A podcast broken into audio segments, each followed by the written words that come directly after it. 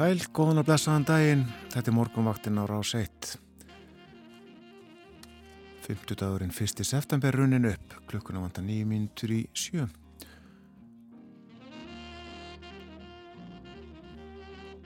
Við hugum að veðrinu, byrjum á að aðtöða hvernig viðraða á landinu klukkan 6 í morgun.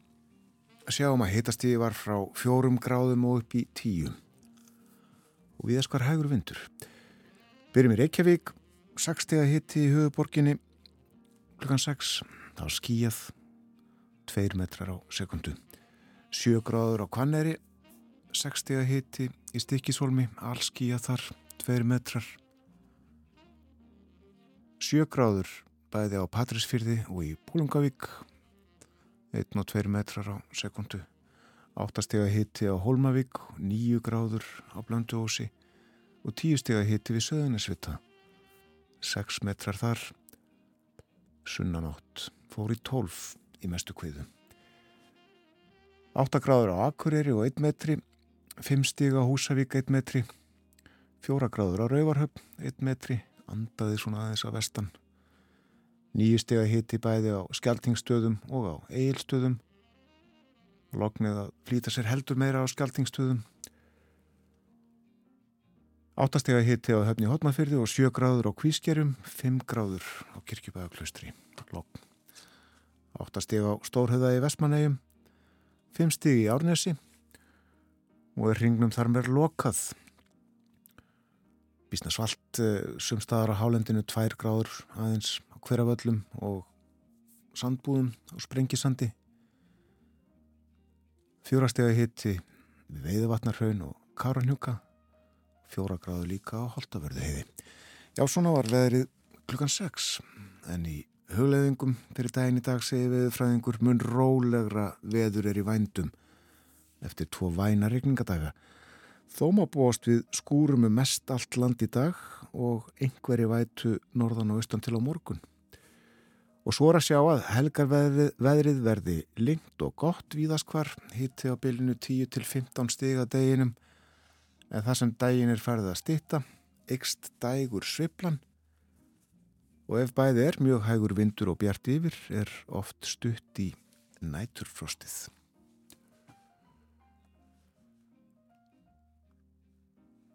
Það er ímyndilegt á dagskrá morgunvaktarinnar í dag. Það er 50 dagur og bói Ágússon verður með okkur heimsklukkin eftir morgunfréttinnar.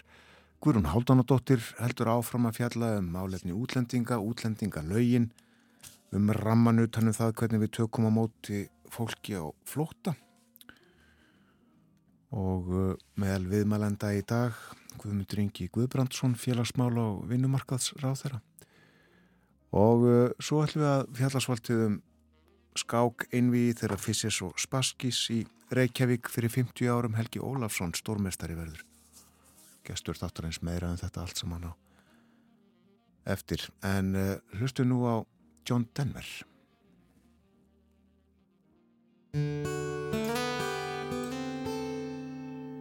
Perhaps love is like a resting place, a shelter from the storm. It exists to give you comfort, it is there to keep you warm. And in those times of trouble, when you are most alone, the memory of love will bring you home. Perhaps love is like a window, perhaps an open door. It invites you to come closer, it wants to show you more. And even if you lose yourself and don't know what to do, the memory of love will see you through. Love to some is like a cloud, to some as strong as steel for some a way of living, for some a way to feel. And some say love is holding on, some say letting go. Some say love is everything, some say they don't know. Perhaps love is like the ocean, full of conflict, full of pain, like a fire when it's cold outside or thunder when it rains. If I should live forever and all my dreams come true, My memories of love will be of you.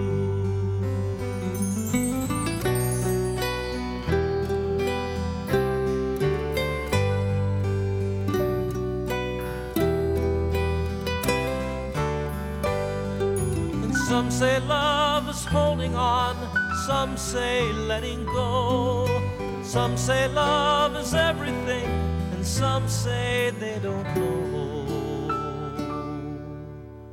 Perhaps love is like the mountains, full of conflict, full of change, like a fire when it's cold outside, or thunder when it rains. If I should live forever and all my dreams come true, my memories of love will be of you.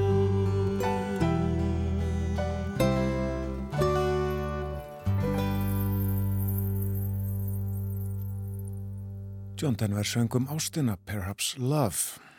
Kannski er Ástin, þetta var songið á íslensku, hétt þá, já, kannski er Ástin, minni það. John Denver lést 1997, lést í flugslýsi, en auk þess að vera tónlistamæður þá flaugan. Og uh, já, hann var ekki bara tónlistamæður og flugmaður, hann var líka aðgerða sinni eins og sagt er mannvinur barðist fyrir réttindum fólks. Nú, ég fór yfir veðurhorfur dagsins hér áðan, má bæta við að uh, í gær var lítill pistill á vef, veðurstofunar þar sem greint frá, frá því að hitinn sem mæltist á Mánarbakka á þrýðudag var hæsti hitti sem að mælst hefur á árinu á landinu þetta árið og er það sjálfgeft að hæsti híti ársins mælist svo síðla sumas. En uh, sumarið uh, fyrir ekki sögubækur fyrir hlýjindi, skoðum þetta betur á eftir. Það lýra fréttunum hjá okkur koma á slæginu sjö, við fáum okkur meira kaffi, tökum svo flugið, förum yfir dagskráð þáttarins ítalega, lítum í blöð og hugum aðeins að uh, atbörðum sem orðið hafa 1. september gegnum árin leikum tónlist og sé hvað fleira.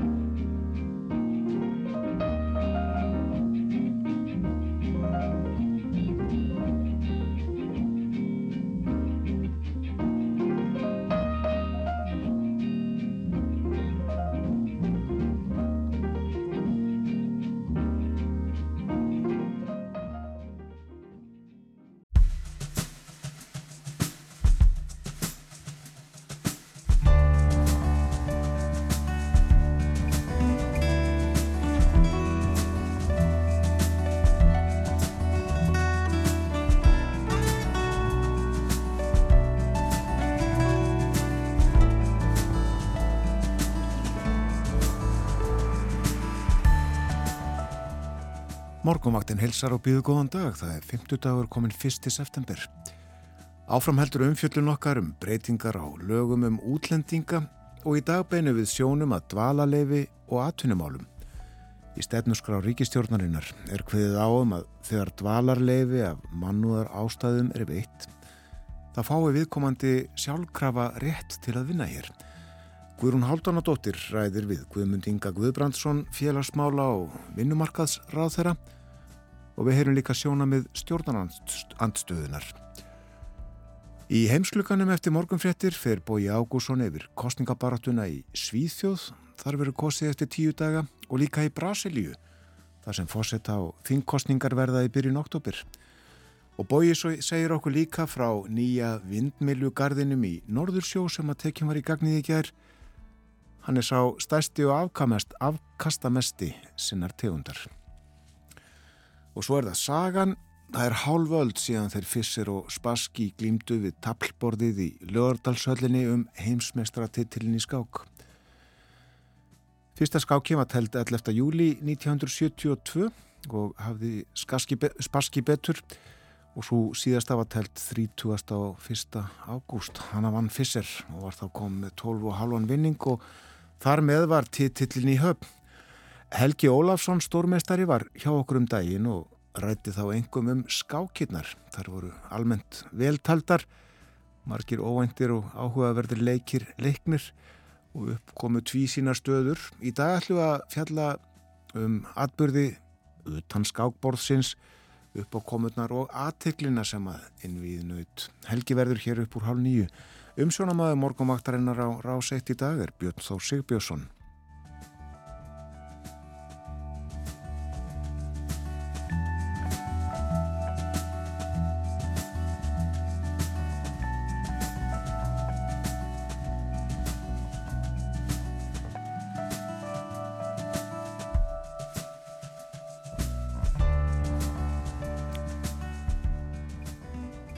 Það er við að sjöstega hitti á landinu nú klukkan sjö og almennt hægur vindur. Spáin er svona suðlega eða breytilega átt 3-8 metrar á sekundu og skúrir. Snýst í norðaustan 5-10 í kvöld.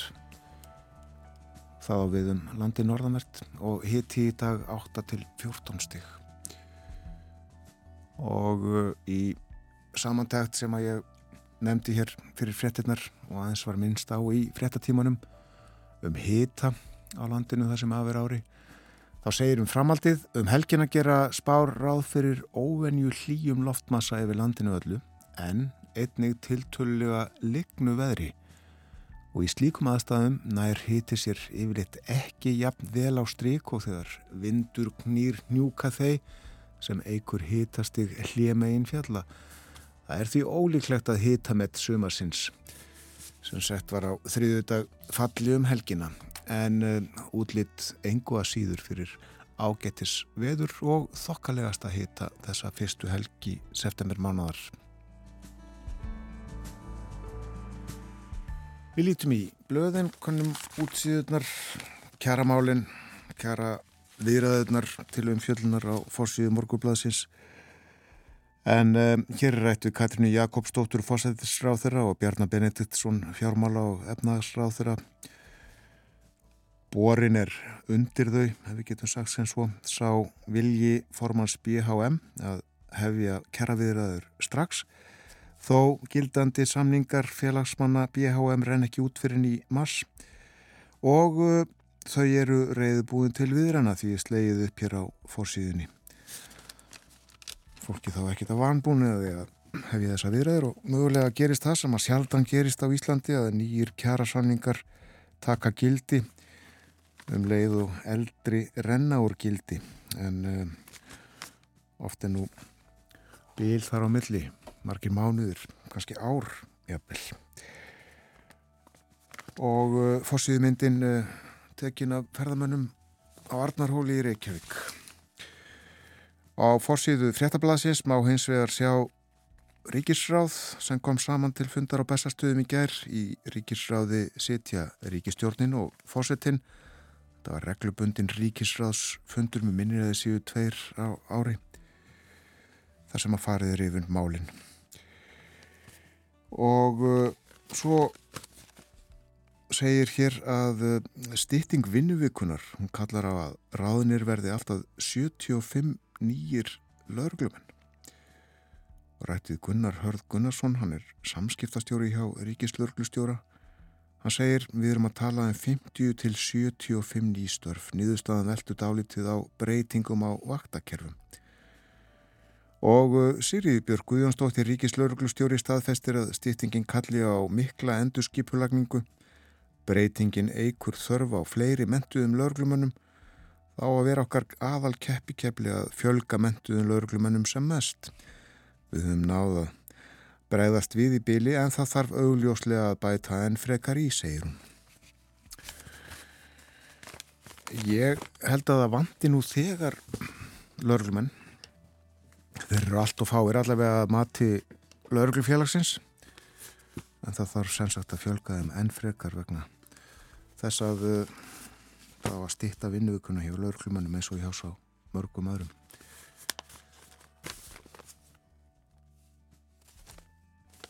Þetta var af blöðunum. Og uh, þá er það sagan en uh, þannig er að uh, 1. september 1972 fyrir 50 árum, já, þá var merkistagur í sögu íslensku þjóðarinnar, þá færðist fiskveði lögsaga Íslands úr 12 mílum í 50. Þennan dag tók sem sagt gildi reglugjær sem að Lúðvík Jósefsson sjárótursrað þar að hafi undirritaðum miðjan júli sama ár á grunni samþyktar alþingis þarum og var stíð mikilvægt skref í baráttu Íslendinga fyrir yfirráðarétti yfir fiskimiðunum við strendur landsins. Og þetta var auðvitaði mikilvæg óþökk breyta sem að hér höfðu veitt nánast að vild árum saman en þeir börðust líka gegn útfærslu lögsugunar úr fjórum mílum í 12 árið 1958 kom þá til fyrsta þorskastriðsins og breytar settu löndunabanna á íslenskan fisk. Það leiti til mikill að viðskipta Íslandinga og sovjetmanna sem er önnur saga. En við setningu reglugerðarinnar sömarið 72 kröfðust breytar að áformum Íslandinga er þið nekt fyrir alþjóðadómstólunum í hag en íslensk stjórnvöld sögðust ekkert myndu gera með úrskurði eða dóma þaðan. Og í kjölfar útfæslunar kom svo til annars þorskastriðsins þar sem klippunum fræðu var beitt skast fyrst í otta á miðunum 4. september, hefur mann rétt. Fiskviði deilur okkar og annara þjóða frá miðri síðustu öld og næstu 25 árin eða svo er mjög merkilegur kapli í sögunni. Það var ekki aðeins deilt við breyta og eftir aðtökum aðrar þjóðir. Heldur voru íslenskir stjórnmálamenn og flokkar ósámanla um leiðir og aðferðir. Og þá koma saminuðu þjóðurnar, allansafsbandalægið, herstuðin á miðneseiði og ímislegt fleira við sögu og um útfæslu lögsögunar, þorskastríðin og tengd efni má lesa áhugaverðar greinar í rittgerðasafni á vef landhelgiskeslunar nefnendur á námskeiði um þessa atbyrði sem að kent var í sagfræðinni við Háskóla Íslands vorið 2005 þeir skrifuðu rittgerðir um afmörkuð efni og þeim var svo steift saman í safn kennari var Guðni T.H. Jóhannesson nú fórseti í Íslands og þessi skrif ná raunar uh, frá því á árunum fyrir 1900 þegar brettar hófu tókviða við, við Ísland og uh, þau ná til rétt undir 2000 þegar samkómulag tókstum veðar í smugunni. Þetta er sannsagt heilmikil yfirferð. En talandi um Guðna og landhelgina, í dag kemur út ný bók eftir hann um 50 milna útfæsluna sögufélagi gefur út. En aftur að tímamótunum 1. september 1972 og því sem bjóðað baki útfæslunni í 50 mílur. Við undirritun áður nefndrar reglugerðar sagði Lúðvík Jósefsson sjáurútursráþara Með henni nýju reglugerð er allt hafsvæðið út í 50 sjómílur frá grunn línum, allt í kringum landið, líst lagsögu svæði Íslands Frá gildistöku degi reglugerðarinnar er því öll veiði erlendra skipa innan 50 mínuna markana óheimil, sangat íslenskum lögum, nema til komi sérstök heimild veitt af íslenskum stjórnvöldum. Stækkun fiskviði landhelginar í 50 sjómilur frá grunnlínum er vissulega mikill og merkilegur áfangi í réttinda og hagsmunabaráttu Íslendinga. Það er yfirlist stefna okkar að allt landgrunnið út frá ströndum landsins og allt hafsvæðið yfir því eigi að lúta íslenskri lögsögu og eigi að fylgja landinu sem eðlilegur hluti af því. Landgrunnið og hafið yfir því og landið sjálft er ein líffræðileg heilt. Með 50 milna fiskveiði landhelgi tökum við Íslendingar í okkar hendur yfirstjórn á hagnýtingu þeirra miklu auðafa sem fiskimiðin á landgrunninu búa yfir og ég get þess að þegar þetta var þá stunduðu að jafnaði hátt í 100 erlendir tógarar veiðar á Íslandi og jafnvel 160 þegar mest var og var aflið þeirra talin ámóta mikill og afli íslenskra skipa og báta og runnu því veruleg vermætti í vasa annara. En markmiðið með útfæstlunni var tvíþætt að sög Lúðvíks í fyrsta lægi að koma í veg fyrir áðveiði á miðunum í landið. Það er lífsnöðsinn, sagði Lúðvík Slík hætta hefur vofað yfir og farið ört vaksandi. Og í öðru lagi var landhelgin stækkuð svo Íslandingar gætu veitt meira en uh, það þurftu þeir að gera vegna stækkandi þjóðar eins og Lúðvík orðaði það og til þess að við getum haldið til japs við aðrar þjóðir með góð lífskjör. Þetta var 1972. Ég veit ekki til þess að lag eða lög hafi verið samin þegar lögsagan var færði 50 mílur, ég heldur við útfæslina í 200 mílur 1975 en 12 mílurnar 1958 þær urðu núma Þorbergsinni að yrkisefni. Þau eru svo eftirsótt Íslandsmið að enskir þeir vilja oss losna við. Og setna, og þá að karlarnir verjist með krókstjökum og séu kringdir af výbúnum herskipum og hendi í okkur kartublum ónýtum innan við tólmýlur gómum þá. Haukur Mortens söngin á hljómplutu 1969. Þetta var sigulagið í danslagakeppni SKT sem þá var virt og vinsal. Jónatan Ólafsson sandi lagið.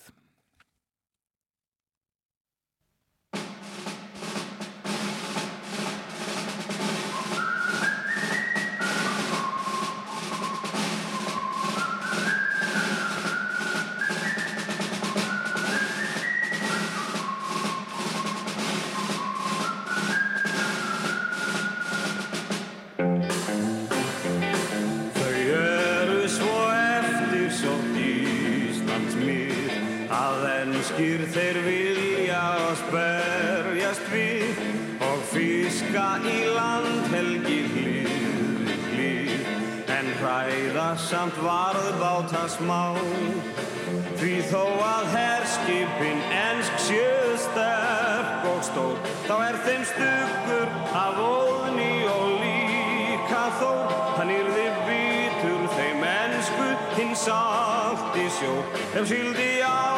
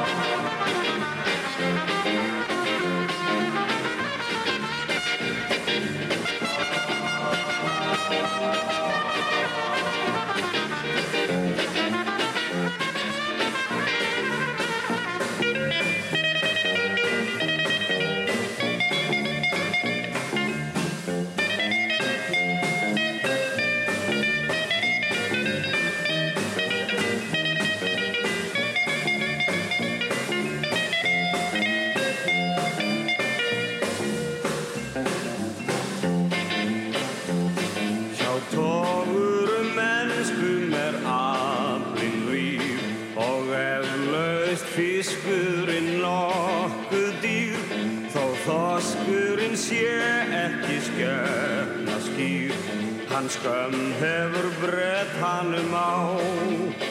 Og þó að karlarnir verjist með krókstjökum og séu krindir af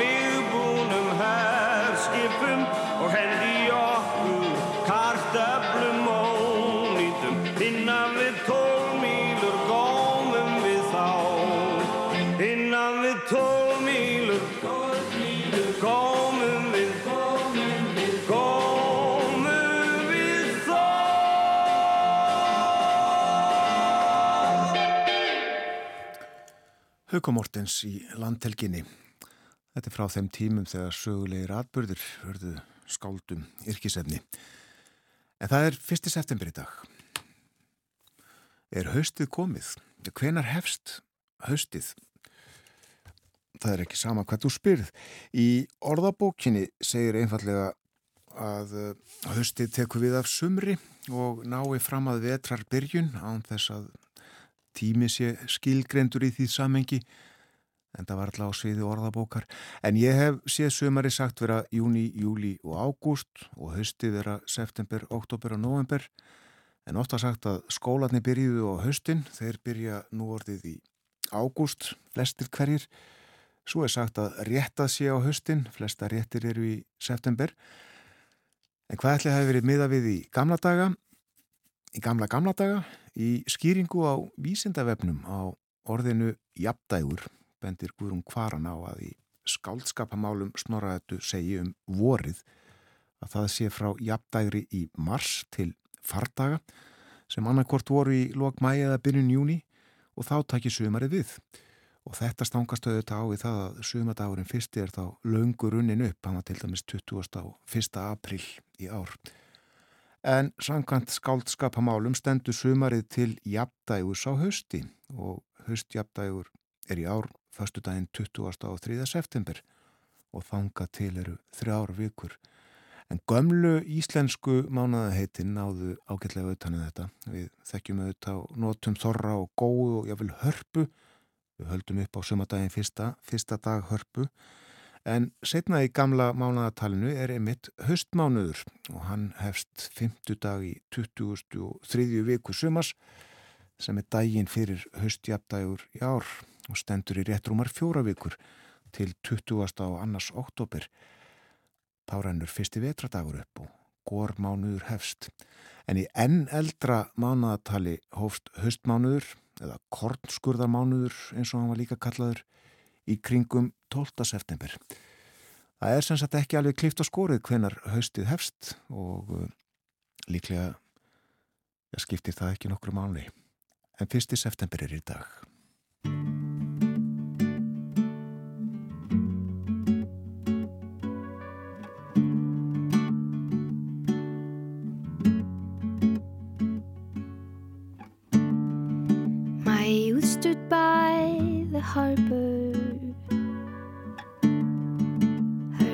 setting away.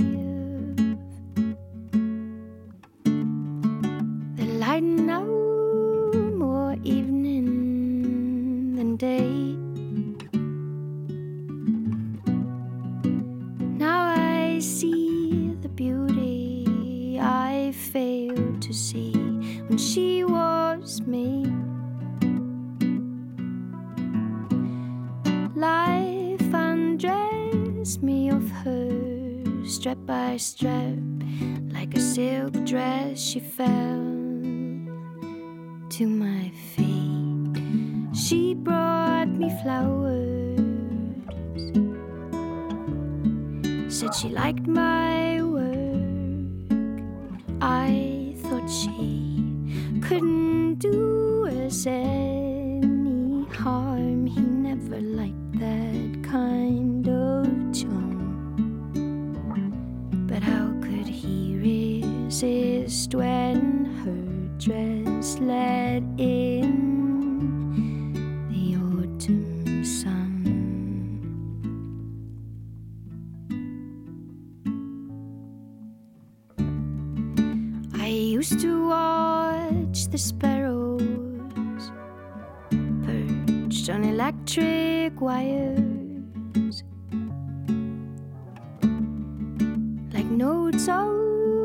a song waiting to be sung.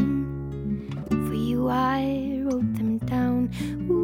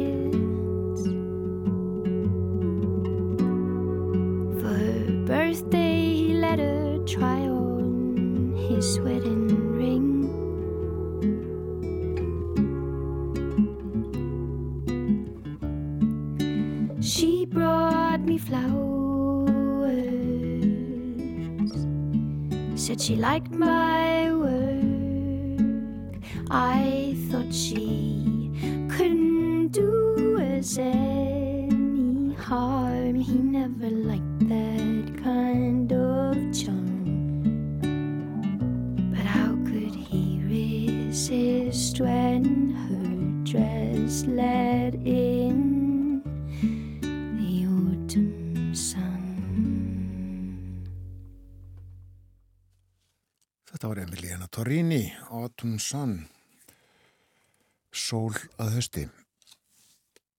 Það líður að fréttaðifliti, kemur eftir fjóra myndur, rétt rúmar. Og eftir fréttaðifliti verður Guðrún Haldunadóttir með okkur. Hún heldur áfram umfjöllun um uh, útlendingamálefni, útlendinga, lögin eins og þau eru og það er breytingar sem að ríkistjórnin hyggst gera á þeim, vonast til að koma í gegnum alþingi. Við uh, heyrum í ráþæra og uh, þreymur þingmönnum, ferum butur yfir það og eftir minni á að Bói Ágússon verður svo með okkur eftir morgunfréttinar. Við ætlum að tala um stjórnmál í Svíþjóð og Brasilíu, kostningar standa fyrir dyrum í báðum löndum og uh, svo ætlum við að tala um skák, skák einvið Reykjavík 1972, Helgi Ólafsson verður gestur þáttarins milli hálf nýju og nýju. Helgi Ólafsson, stórmestari.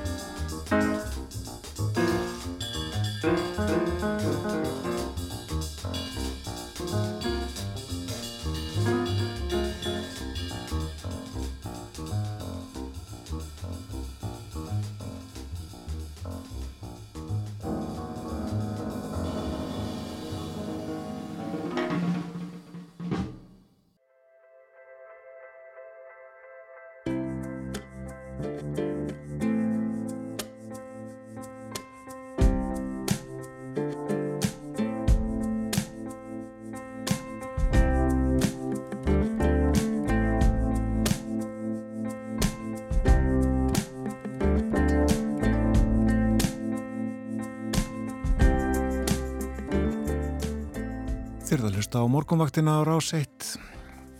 Það er 50 dagur 1. september. Klukkan réttliðilega hálf átta. Já, eh, nefnt þetta, þessi samantækt veðustofunar í fréttaðiflitunni hér áðan. Fáir hlýr dagar á í sumar, eh, þar að segja mjög hlýr.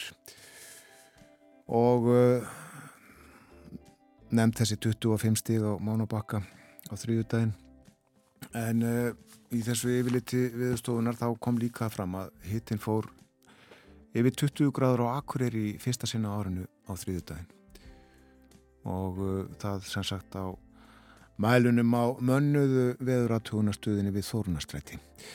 En yfirleitt mælist yfir 20 stíga hitti á Akureyri 8 daga á ári, það segir meðaltalið.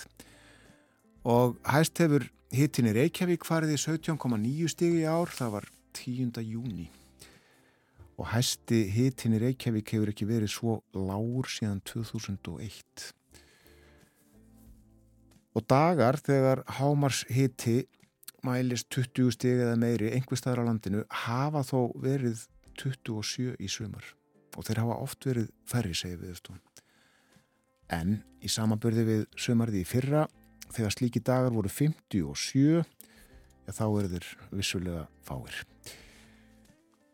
En hvernig ætlum við í dag? Jú, það verður suðlega eða breytilega átt 3-8 metrar á sekundu og skúrir, snýst í norðaustan 5-10, norðan til í kvöld og hitin 8-10 stig.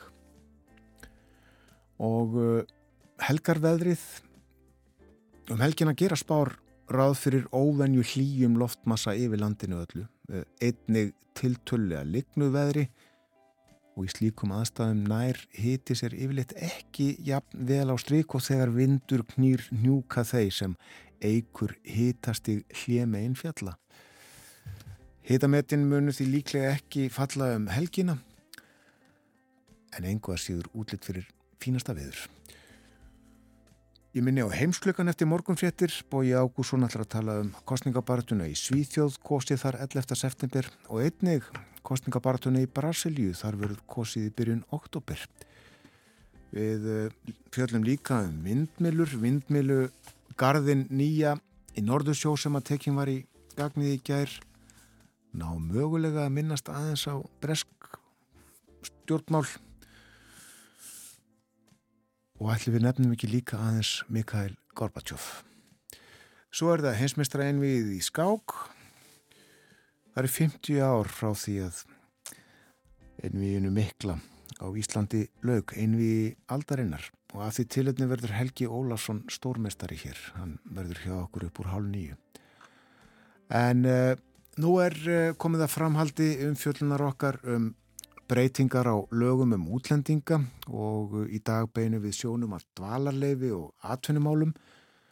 Guðrún Haldunadóttir ræðir við Guðmund Inga Guðbrandsson félagsmála og vinnumarkaðsráð þeirra og einnig við fulltrú að þryggja stjórnarnandstuðflokka. Hún ræði við þær Þorbjörgu Sýriði Gunnlúsdóttur Viðreist, Helgu Völu Helgadóttur Samfélkingunni og Artísi Önnu Kristina Dóttur Gunnarsdóttur Pírötum.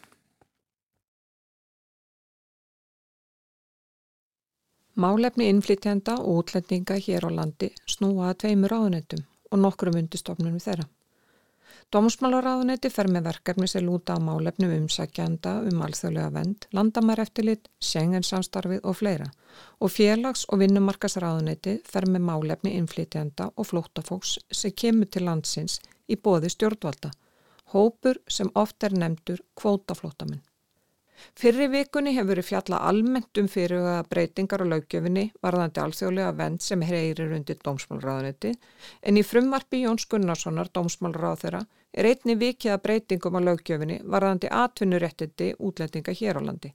Sá málaflokkur heyrir undir félags- og vinnumarkasráðunetti og verður til umfjöllunar í þessum þætti. Guðmundur Ingi Guðbrandsson, velkomin. Takk kærlega.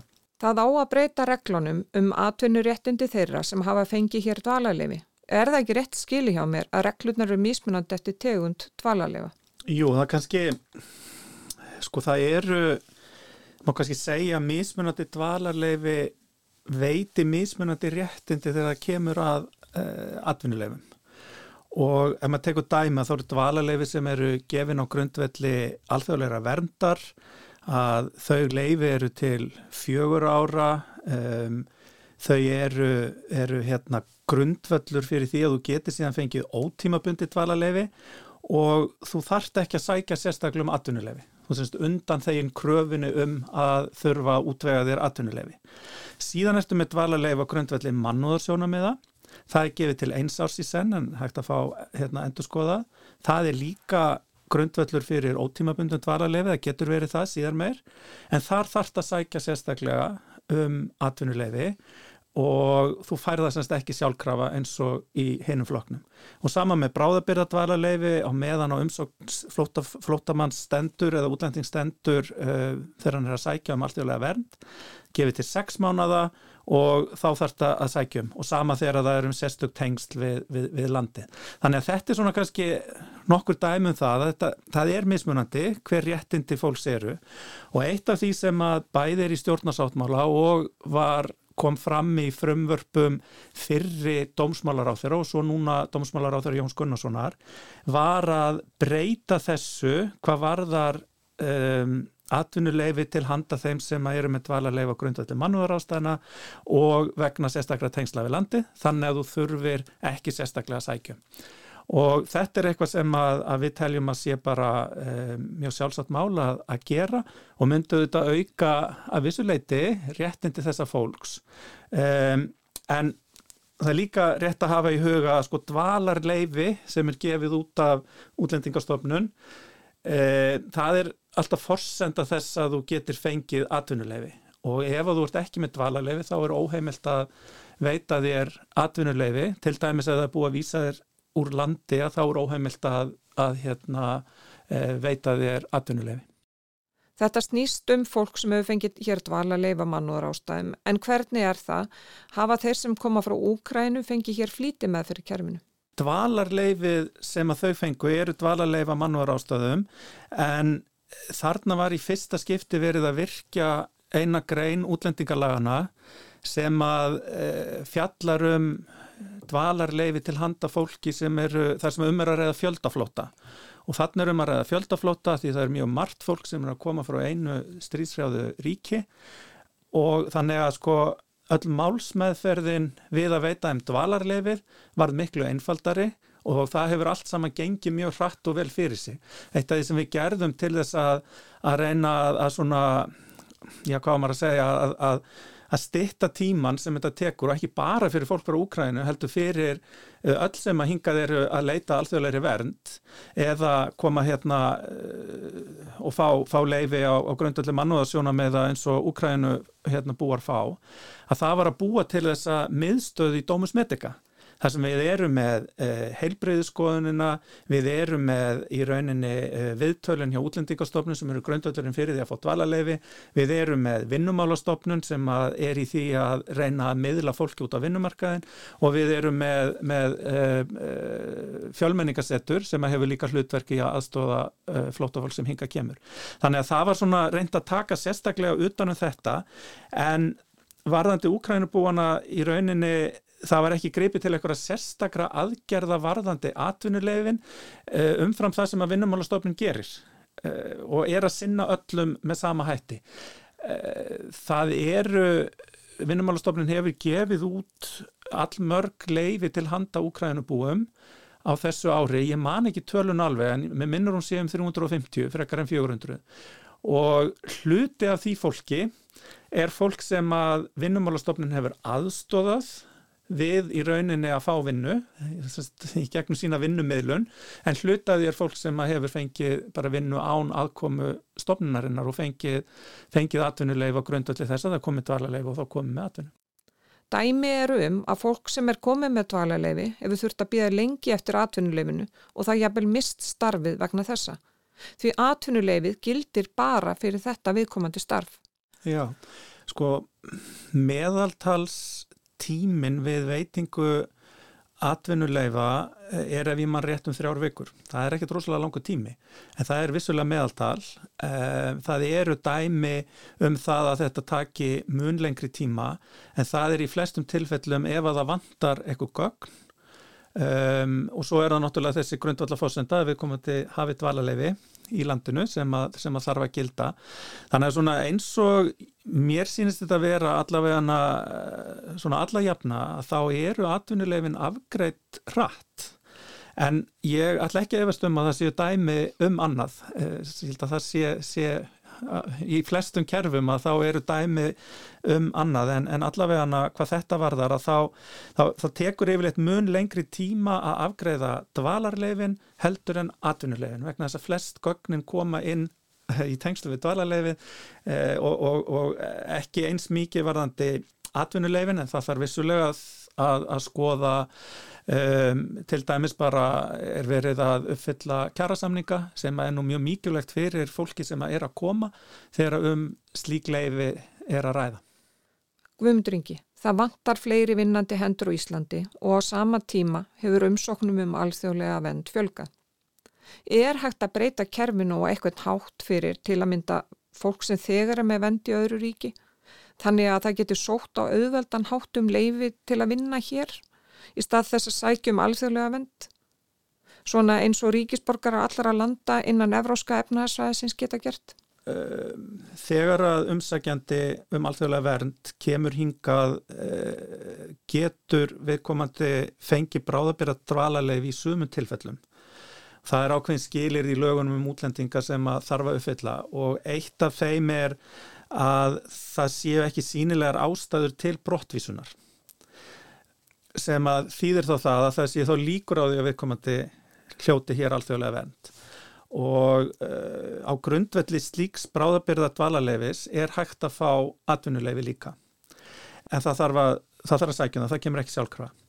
Og, og um, við höfum hins vegar uh, í stjórnarsáttmálanum að þar er talað um það að lögum útlendinga verði tekinn til endurskoðunar og þá með það markmiði að ringa ákvæði er varða útgáfi dvalarleifa á grundvelli atvinnuþáttöku og þetta er eitthvað sem að en bara ennþá í vinslu og ég get ekki sagt nákvæmlega til um náttúrulega hvað kemur út af þeirri vinnu, hún er reyndar á ábyrg dómsmálaráðunitisins en við erum að setja saman svona sameilegan hóp um atvinnuleifi á milli dómsmálaráðunitisins, félagsmálaráðunitisins og háskóla einaðar og nýsköpunaráðunitisins til þess að reyna að samræma og halda betur utanum þetta og hafa þá svona, uh, já, bara fleiri ráðuneyti í að akkurat að ræða þessi mál.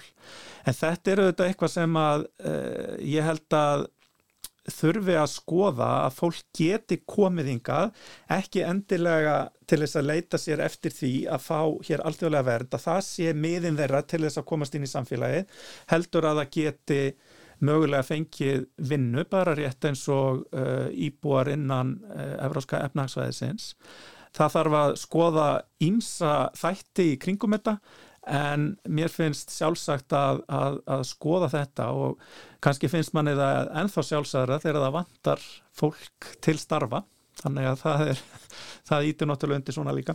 Akkurat á sama tíma er einmitt samkeppnu um vinnu allstaðar á Evróskapna Já og við erum líka að vinna því sko að, að e, til dæmis eitt verkefnið í stjórnasáttmálanum að það er að svona auka sveigrum fyrir ráðning á erlendum sérfræðingum uh, sem að geta þá til dæmis auðveldað íslenskum nýsköpunar og sprótafyrirtækjum að ráða fólk með sérfræðiþekkingu. Þetta er ráðunetti hjá mér að vinna í samstarfi háskóla yðnaður og nýsköpunar ráðunetti. Um, þannig að það er líka verið að horfa á svona sértækari þætti og vonast til þess að geta komið með meira um það núna í, í haust. Þannig að það er líka mjög spennandi. Eitt af því sem kom fram á morguvaktin í gær er að Þýsk stjórnvöld veita miklu meira hluta þeirra sem þanga koma vernd þráttur að þeir séu með alþjóðlega vendi Greiklandi.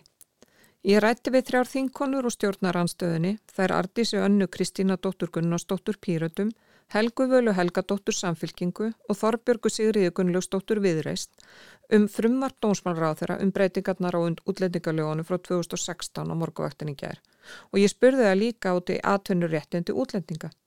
Þorbjörg og Helga Vala ættu Íslands stjórnvöld að íhuga að fara sömu leið og þjóðurar að hætta að senda aftur til Greiklands. Þetta er auðvitað eitt af stóru málunum sem hefur, eða svona aðröðunum sem hefur tekist á um, inn í þingsal eh, þegar því haldi fram að eh, að það, það sé réttmætt að gera það, að fólk sé komið með vernd, að þá höfum við meðalans verið að tala fyrir því að það fyrir þá eins að skoða það hvað er á bakvið þann merkjumið að vera komið með vernd. Hlýtur ekki að skipta einhverju máli hvar það er og hver staða fólksins er og hvort að verðskuldi þá eh, ekki einmitt að fá einhvað síður umfjöllun um sín mál. Eh, en að þú nefnir þjóðverjana þá held ég líka bara minna aftur kannski að því hvernig lögjöfin var unnin á sínum tíma. Þau fáum nýja heldarlögjöf árið 2016 og þetta hefur staðan breyst mjög mikið síðan. eins og þú ert að nefna umsóknir aldrei fleiri, við erum að horfa á bara samsetningu fólksins sem að hingað kemur í kjálfar úkrænstrís og það er auðvitað bara orðið tímabært að rína lögjöfina, uh, skoða reynsluna og, og setja nýji heldarlög. Um, en þar hefur mér einhvern veginn fundist aftur þessi punktur að ráðar eins og uh, dómsmála og félagsmála sem er með allan vinnumarkaðan undir sér áttir sig á því að þeir sitja jú saman í ríkistjórn mm -hmm. og, og, og það er ekki bannað að tala saman að það sé samin þá heilst að reglið um það að e, það er eitthvað bak við það hugtak að, að vera flótamaður og við viljum standa verðum það hugtak. Til þess að það fólk sem raunverulega er í þeirri stöðu eigi tækifæra að koma hinga til lands. Og það myndi kannski létta á kerfinu ef það væri aðrar leiðir líka færar inn í landi. Það við sem ekki bæði að reyna að herða e, farvegina fyrir fólkaflóta samlega því sem við erum ekki að auka e, atvinnuréttindi útlendinga til dæmis utan EES-veðinsins og það gerist í íslensku samingi og íslenskum veruleika það sem er líkur alveg fyrir að okkur vandar e, vinnuafl Það finnst mér líka að vera hinliðin á þessu samtali mm -hmm. að umræða um fólk á flóta eða umræða um útlendinga í samvikið víslist eh, samfélag er ekki bara umræða um vandamál heldur líkum tækifæri. Já og lausnir á okkar vandamálum sem er skortur á, á vinnandi fólki sko og, og þá veltum við líka fyrir sér þegar að búið er að viðurkenna einhvern sem evrópskan borgara hvers vegna njóta þau ekki sambarleira réttinda og aðrir evróski borgarar?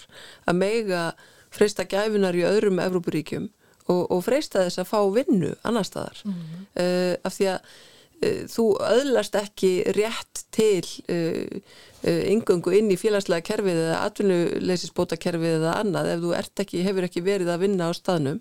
Þannig að ég á meðan að, að við þurfum 15.000 einstaklinga inn á vinnumarkaðin þá held ég að við þurfum ekki að óttast svona mjög Uh, að, að leifa fólki að koma hingað og vinna fólki sem kemur hingað með sína fjölskyldur sem vil vinna, vil setjast hér að við þurfum ekki að, að óttast þetta svona mjög að, að fá fleiri skattgreðundur inn í landi ég held að, að við þurfum bara á því að halda Hvað segir þú Artisanna um þetta? Egu við að leifa fólki að koma hingað að vinna? Þarna ertu að tæpa á því sem að ég til að hafa verið séu einn stærstu mistök sem að Evrópa hefur gert við uppbyggingu þessa kervis og það er að líta á fólk sem einhver á bögla, einhver dýr sem verið að bjarga og þeim er að duga að vera, með vatn og, vatn og, og, og smá matabita.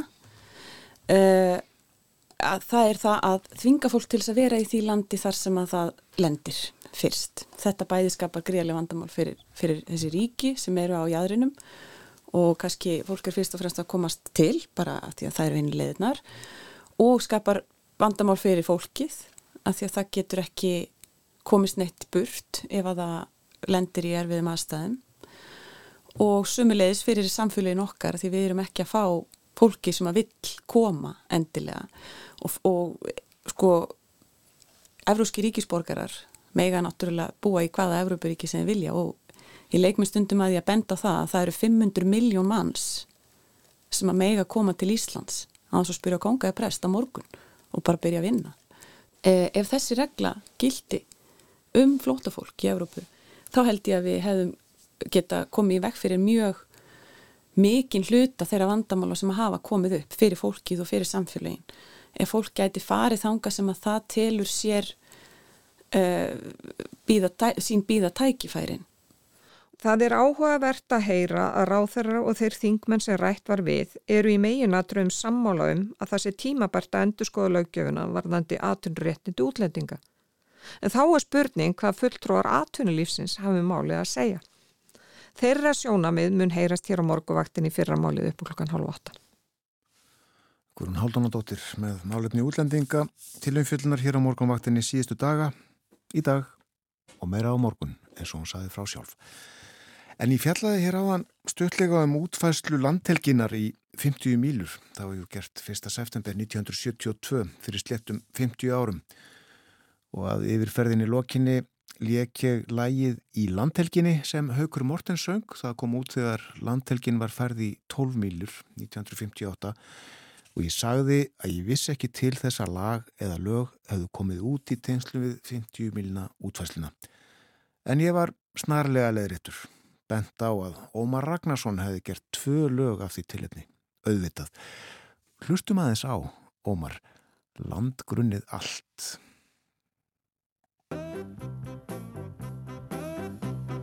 er sko heldur hugur Já Íslendingum horskum. Við eigum stríð við breyta Út af ókinn froska toskum Á efnahagsins svelli Er sig bátt að fóta. Ef ekki leitt er toskinum Að njóta þess að gjóta. Ef hann færðað ekki Glatað er vort líf. Og heyram á því Syngja sér hvert hal og ví Við viljum La la la la la la la.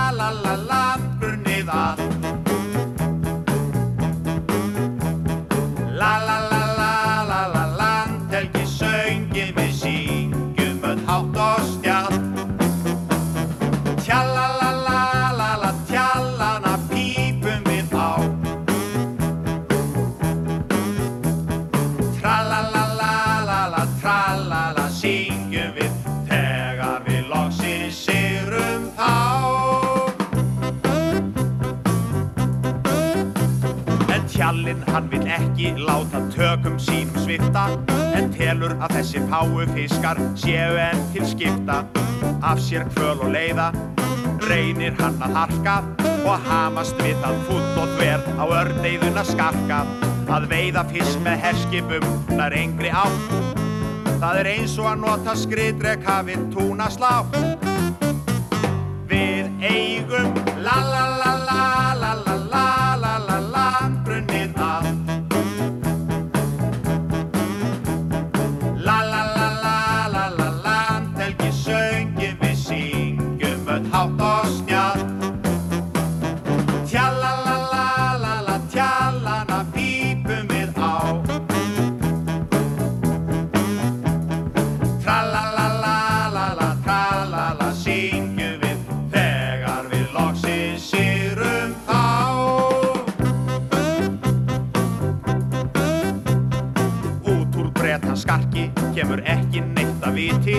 Það er eins og eiga ástarfund undir lögreglu eftir liti Það virðist sem og fáir vísdóm gamla tekki að vitrir bændur ríja sögði sína en fláð á ekki.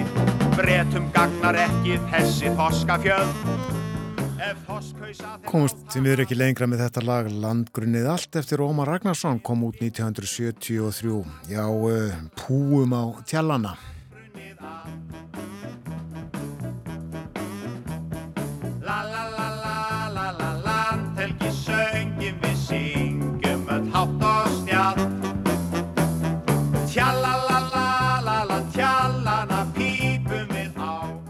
Framöndan, já, pípum á. Framöndan uh, fréttir fyrst auglýsingar og svo bói Ágússon heimsklukkin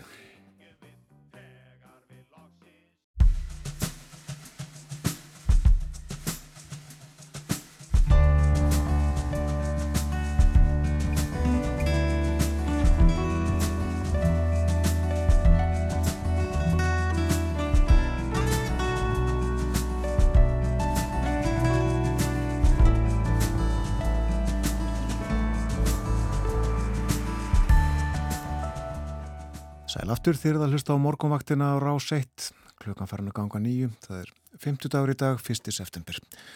Og næstu mínutur verður fjallaðum Erlend málefni hér í þættinum. Bói Ágússonur sestu við borðið hjá mér, góðan dag og velkomin. Góðan dag Björn.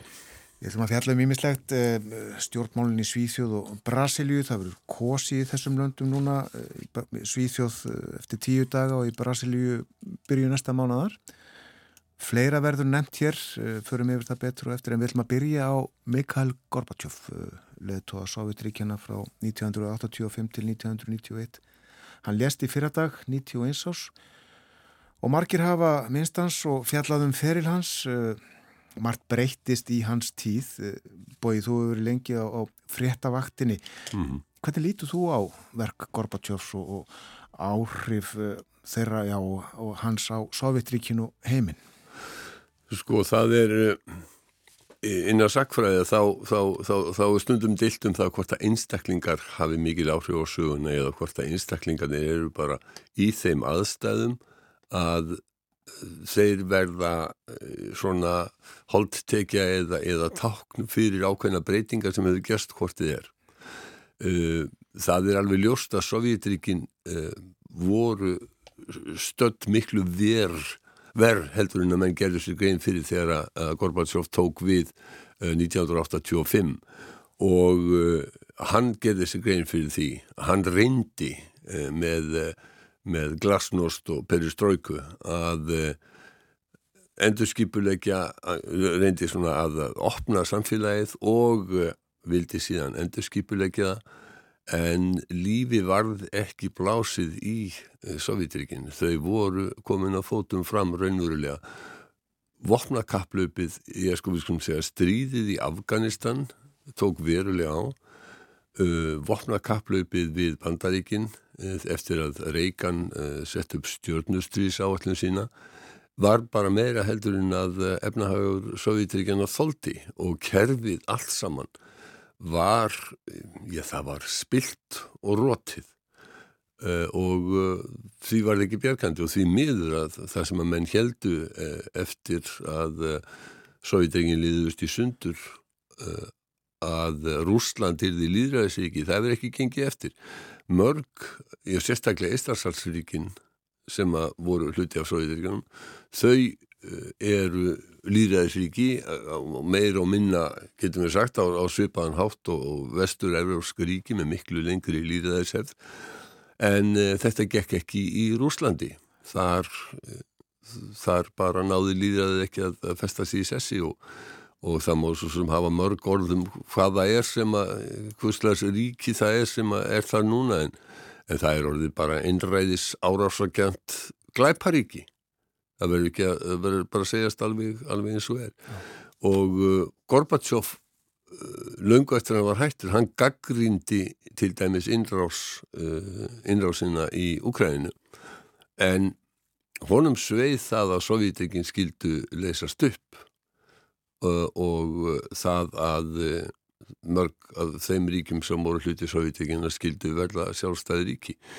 Hann verður alltaf uh, einn af þeim einn af áhrifamestu mönnum í á, sögu uh, setni hluta 20. aldarna það verður aldrei ánum skafið leitóðin sem að var við völd þegar að Sovjetekin fjallu og fyrst og fremst má kannski segja að uh, það að kaldastriðinu hafi lokið og Sovjetekin fallið tiltölla friðsamlega, við skulum gera okkur grein fyrir því að þetta hefði getað orðið mjög blóðugt. Og það er honum að þakka. Uh, svo hafa með segja sagt sko hann hafi verið draumórumadur sem ekki hafi sko haft almennileg tengslu raunveruleika en ég sko það er hægt að lesa alls konar ummæli um hann en, en ég held að fyrst og fremst að þá hljóttum að minnast hans fyrir það að uh, það varði ekki blóðbað við fallt sovjetegina Þetta var um Gorbachev Já. Hvort ætlum við til Brasilíu eða Svíþjóðan? Ef við ekki að fara til Brasilíu fyrst. Það, er svo langt sérna við um eitthvað hérna, fjallaðan Brasilíu. Mm -hmm. Kostningaframöndan eins og ég saði á þann byrjun uh, oktober og það er bæðið kosið til Þingsins og um Fossetta mm -hmm. og Bolsonaro, uh, hann er í frambóði. Uh -huh. Alveg rétt. Það er í upp, það er í byrjun oktobermánar fyrir umferð Fossetta kostningana og þar er uh, Lula da Silva sem heitir fullunafni Luis Ignacio Lula da Silva Hær, já, nei, fyrir ekki, Lula da Silva, hann fyrirvændi fósiti, hann er í frambóði, hann er vinstri maður. Og Hær, hvorki meirinni minna en Messias Bolsonaro, núvarandi fósiti, er á mótunum. Þeir njóta langmest fylgis en það er ólíklegt að um, annarkvort þeirra uh, fái meirinn 50% þannig að þá kemur til setni umferðar undir lok oktobermánaðar. Staðan er þannig að uh, Lula hefur umtalsvert meiri stuðning heldur en Bolsonaro og það, það er líka spurt um sko hvernig myndi stiðja í setni umferðinni og það, það, það sama gildi þar að Lula er með umtalsvert forskott. Mm. Um, það er fyrir þá sem að þekkja lítill brasilíska stjórnmóla sem er nú sjálf að dæði margir þá má kannski segja að það sé hægt að líka þessum mönnum við ef við færiðum þetta til bandaríkjana því að við hefum ekkert neitt svipað sem hægt er að líka við á Íslandi að þá, þá sé Bolsonaro núverandi fórsiti Trump og Lula væri þá Bernie Sanders. Hann er nefnilega dálta langt til vinstri. Uh, svo er náttúrulega eins og alltaf í líðræðisvíkjum og Brasilia er líðræðisvíki núna þingbundið og það, þetta er sko hérna, sambandsstjórnir líka hafa mikil völd þannig að sko fórsitin í sjálfu sér getur ekki ráðið öllu. Uh, auðvöktu Sovjetekin, eða fyrir ekki við Rúsland, það er maður stundum rugglast á Sovjetekin um Rúsland uh, og, og hérna og ein, einræðisíki, sko Brasilia er ekki einræðisíki, hann er fórsetin ræður ekki öllu. Og Bolsonaro til dæmis fekk mjög verulega mótspyrnu uh, ekki síst í, í uh, mjög sérkenlegri afstöðu sinni í gagvart heimsfaraldrinum frá einstökum ríkjum í, í Brasilju sambandsvíkjum þar og uh, kom ekkit sínum málum endilega alveg uh, í gegn. En þannig er staða núna. Það sem er hins vegar dálítið skemmtilegt er það, eða skemmtilegt, það sem er kannski lýsandi fyrir afstuð mjög margra brasilímanna er það að uh, þeir eiginlega hafa fengið nógu pólitíkusum. Uh, norska ríkisútvarpið eh, hefur verið uh, hefur fjallast áldið um kostningabarotuna og þeir rættu við Rodrigo Villas Boas sem er kjósandi í Ríó sem að segir vissulega þetta er mjög mikilvæga kostningar en þess vegna er ömurlegt að frambjóðundi skul ekki vera betri. Brasilískir stjórnmálamenn kunni ekkit annað en að stela, sagði hann A importância é a maior possível. Pena que os nossos candidatos são muito ruins. A política no Brasil é muito mal realizada. Os políticos só querem saber de roubar. Ljótt að heyra. Já, það er það. Sko, Bolsonaro hann hefur verið með mikla gaggrína á kostningakerfið, ekki síst talningavélar og uh, þetta er endurómur af því sem við þekktum uh, úr kostningunum 2020 í bandaríkanum og fólk hefur mikla, mikla ráhyggjur af því í Brasilíu að eitthvað í líkingu í það sem að gerðist í bandaríkanum gæti gerst þar. Þetta segir Arnd Stefansen sem er frettamæður NRK í, í, í Brasilíu. Skum heyra þegar hann var að fjalla um þetta fyrir nokkrum dögum Bolsonaro har kommet med masse kritikk av valgsystemet, dette elektroniske valgsystemet i Brasil. Så det er definitivt en bekymring for at eh, det kan skje noe eh, her i Brasil etter valget, eh, som kan minne om eh, det som skjedde i USA. Bói Bolsonaro er vissulega líðræðislega kjörin en hann má ekki segja hann kemur að vissuleiti fram eins og innræðisera. Já, já, það er alveg rétt og eins og uh, Stefansen, þetta maður reynir kásaði, þá hafa menn þarna allokkar áhyggjur af því hvað gerist ef hann tapar í, í kostningunum. Hann er auðvitað gammal hersöðingi.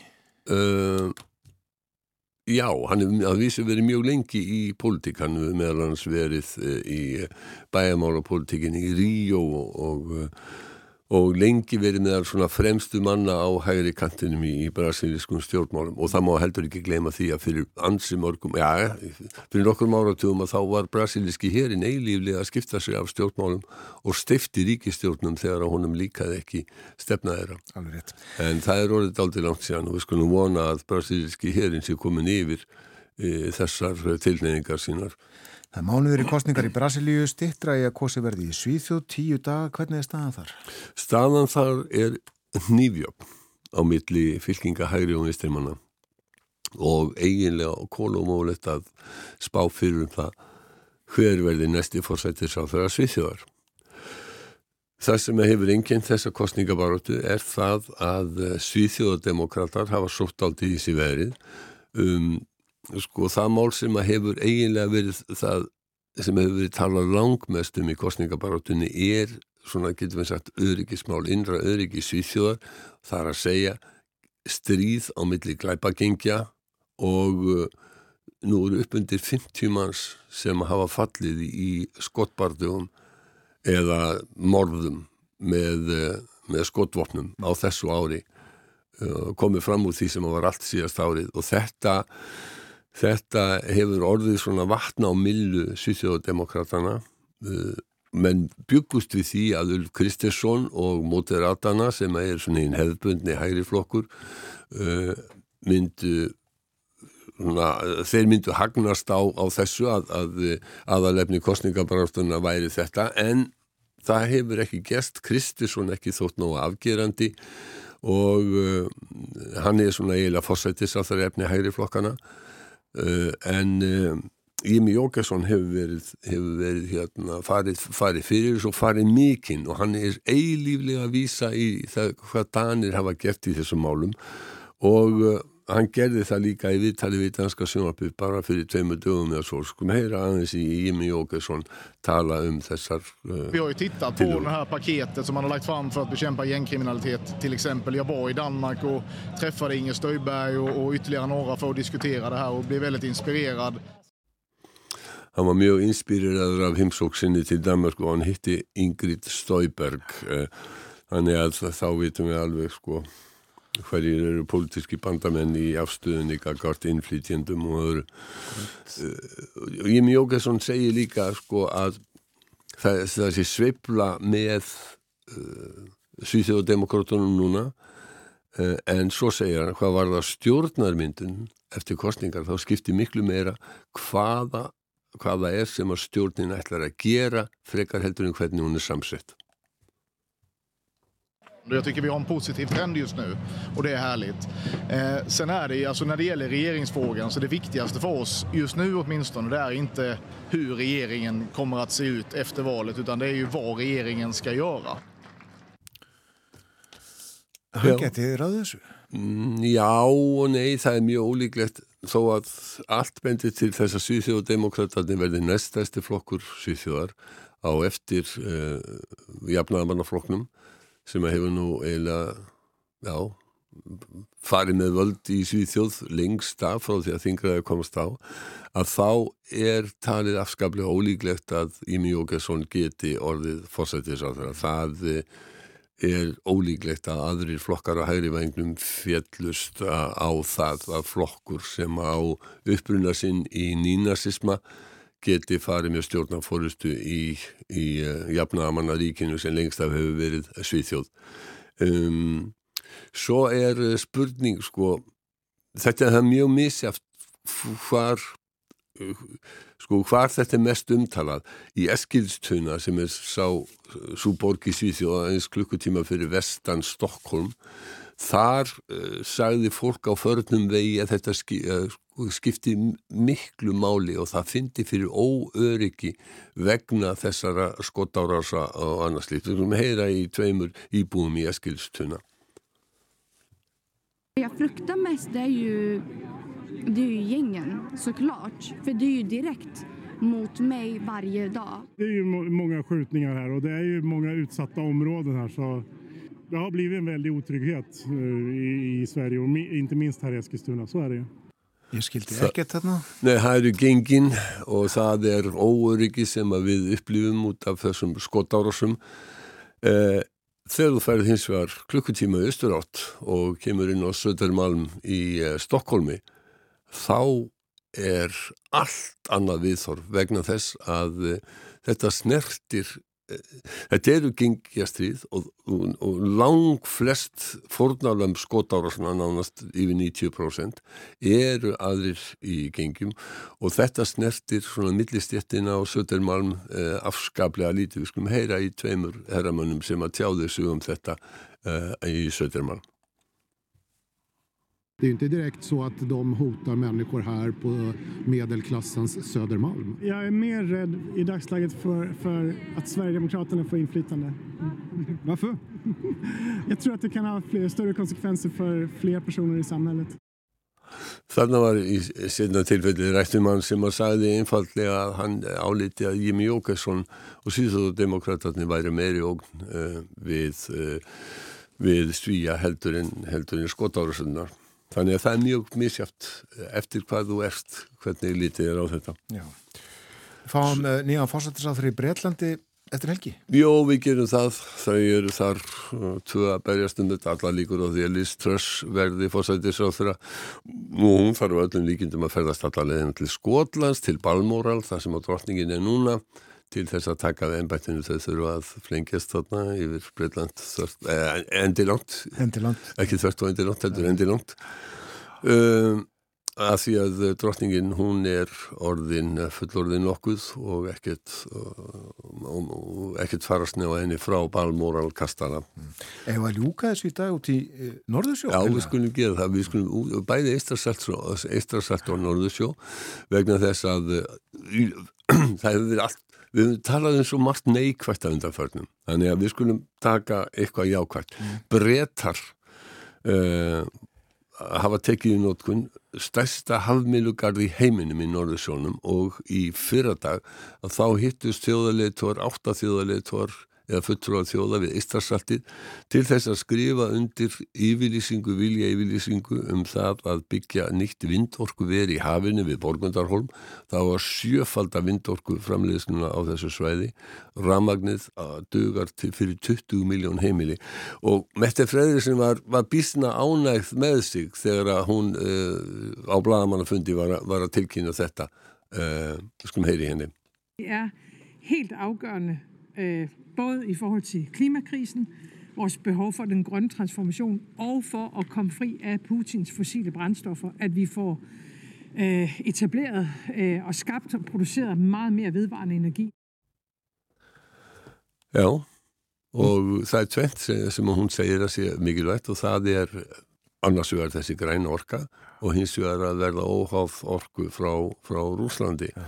Um, það sem að Putin sé að, að kúa fólk og metti uh, að öllum líkindum að leiði kostningabarat Já, já, það er innan, innan nokkara mánuða það er alveg ljóst. Kjörtífumbildur rennur út í júni á næsta ári en uh, það er alveg ljóst að kostningarnar er nánast alveg ljóst að kostningarnar verða fyrir. En þessi vindminugarður sem að núna er búið að taka fullri í nótkun uh, undan stöndum Jórvík og Skýris hann er hann framleiði gríðarlega mikið ramagn, það myndi duga hérna Manchester borg og það sem er uh, skemmtilegt við þetta er að stjórnstöðin og orkan kemur í land í Grímsby Já. og Grímsby þessi gamli eh, fiskibær sem að uh, Íslendingar hafa nú haft og hafa enn mikið samskipti við um, og þar eh, var þetta aldrei gaman BBC var að fjallin um þetta, þeir rættu við Richard, uh, nei Patrick Salmond sem er í Reykjavík fiskveiði fyrirtæki og uh, fjölskyldan hefur verið í fiskibransanum mann fram að manni, nema hvað dóttir hans, hún tekur ekki við þessu fyrirtæki hún er að vinna við vindmennugarðin. Já, svona, svona breytist þetta. Kæra þakki fyrir í dag Bói Ákursson. Takk svo þess Björn.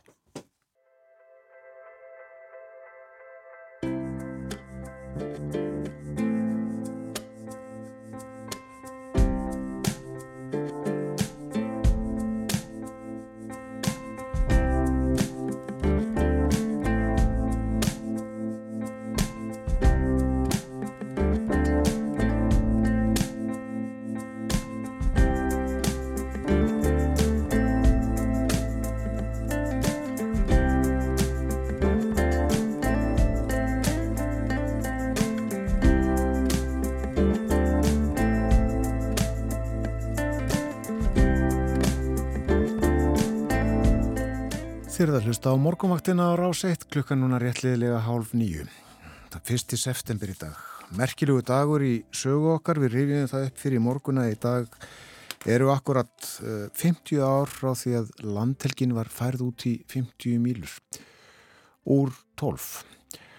Og uh, það var mikið um það fjallaðu þetta á sínum tíma heilmikið. Uh, fréttir af því máli uh, keftust við fréttirnar af innvíinu, skák innvíinu, innvíi aldarinnar. En uh, því laukæmitt 1. september 1972 hafði þá staðið frá því júli og það var þannig að það var 30. og 1. ágúst sem að þeir Spassky og Fisser settust að tapli síðustu skákinni, 20. og 1. skákinni.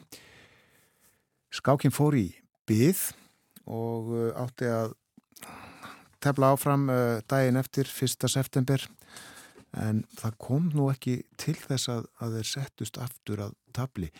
Helgi Ólafsson stórmestari er hér, hann var hjá okkur á morgunvaktinni fyrir fáinu vikum þegar við rifjum einvið upp nærri þeim degi er það hófst, í dag ætlum við að rifja fleira upp, velkomin Helgi. Okay. Já, uh, skákjum fór í byð og uh, það kom ekki til þess að þeir settust aftur að tabli. Spaski gaf. Já, Spassky gaf þessa skák. Ég, ég man eftir því þegar að skákinn fór í byggð þá fannst mér óleiklegt að hann myndi gefa þessa stöðu sko. Það var nú daldur óvisa um þessa byggðstöðu en svo kom náttúrulega í ljós þegar menn fór að rannsaka hana að staða Spasskys var nú sannlega alveg volnöð sko og hann, hann bara gaf skákinn á þessa tefla, ringdi í dómaran og hvað sem myndi gefa skákinn og þetta kvisaðist nú reyndar út þarna áður en það er ofta að setja þessa tefli.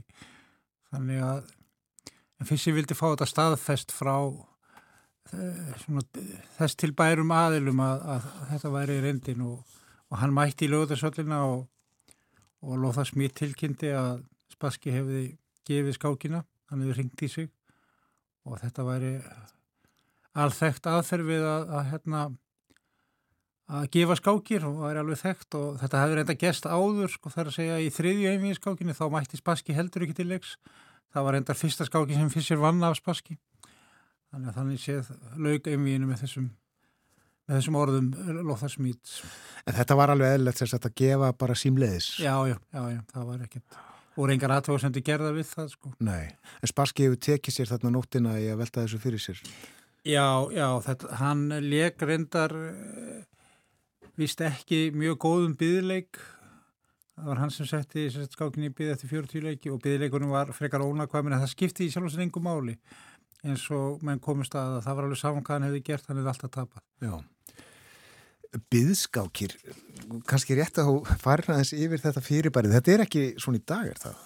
Nei, þetta breyttist áratugum síðar algjörlega Máli var einfallega það að menn hefði ekki alveg sömu upplýsingar eins og í dag, það voru ekki tölfur til þess að reikna út byrjunarleiki og annað.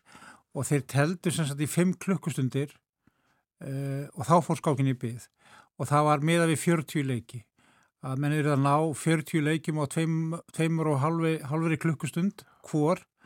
Og eftir, leiki, eftir 40 leiki fór sem sagt skákin í byggð og, og eins og reglunar í einvíðinu voru þá, þá var var byggðskákinn til líkt að lit sko degi síðar og hérna það fóru ansi oft skákir þeirra í byggði þessu heimi ég, ég las einhvers þar að það hefur verið 11 byggðskákir í heiminu og, og hérna Fischer fór uh, nokkuð vel út úr þeim byggðskákum yfirleitt sko.